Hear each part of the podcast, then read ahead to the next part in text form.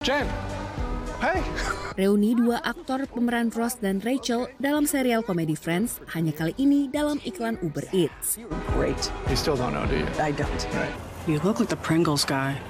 Lalu bintang film laga dan komedi Chris Pratt sebagai Mr. P untuk iklan Pringles. Iklan-iklan saat siaran langsung pertandingan puncak football Super Bowl selalu bertabur bintang dan mengandalkan humor.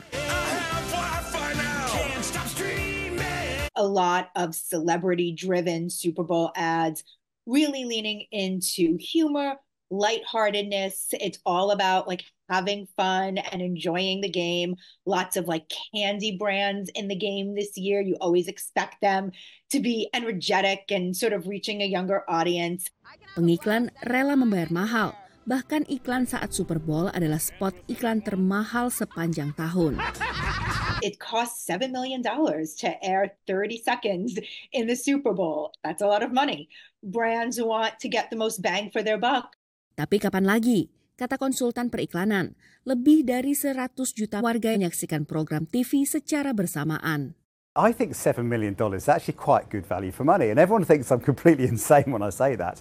But what other event in the world have you got where everybody is watching the same thing at the same time and everyone's talking about the adverts? I mean, most people pay money to avoid the adverts, but this is something where everyone is talking about the adverts in half time, you know, in the breaks.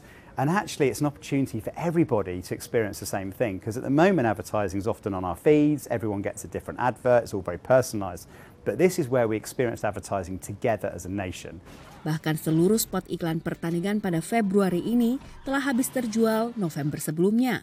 Super Bowl ads um, generate, uh, basically create, uh, build on a complementarity between uh, brand consumption and sport events, meaning people who watch these uh, uh, um, uh, advertising end up using these products during the next uh, sports events.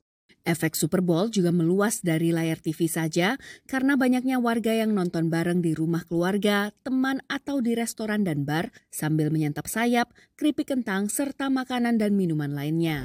Las Vegas yang merupakan tuan rumah dari Super Bowl tahun ini kebanjiran sekitar 300 ribuan pengunjung.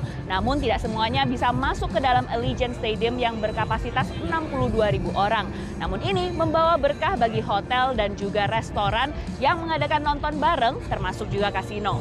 Dari Las Vegas, Nevada, Virginia Gunawan dan tim VOA.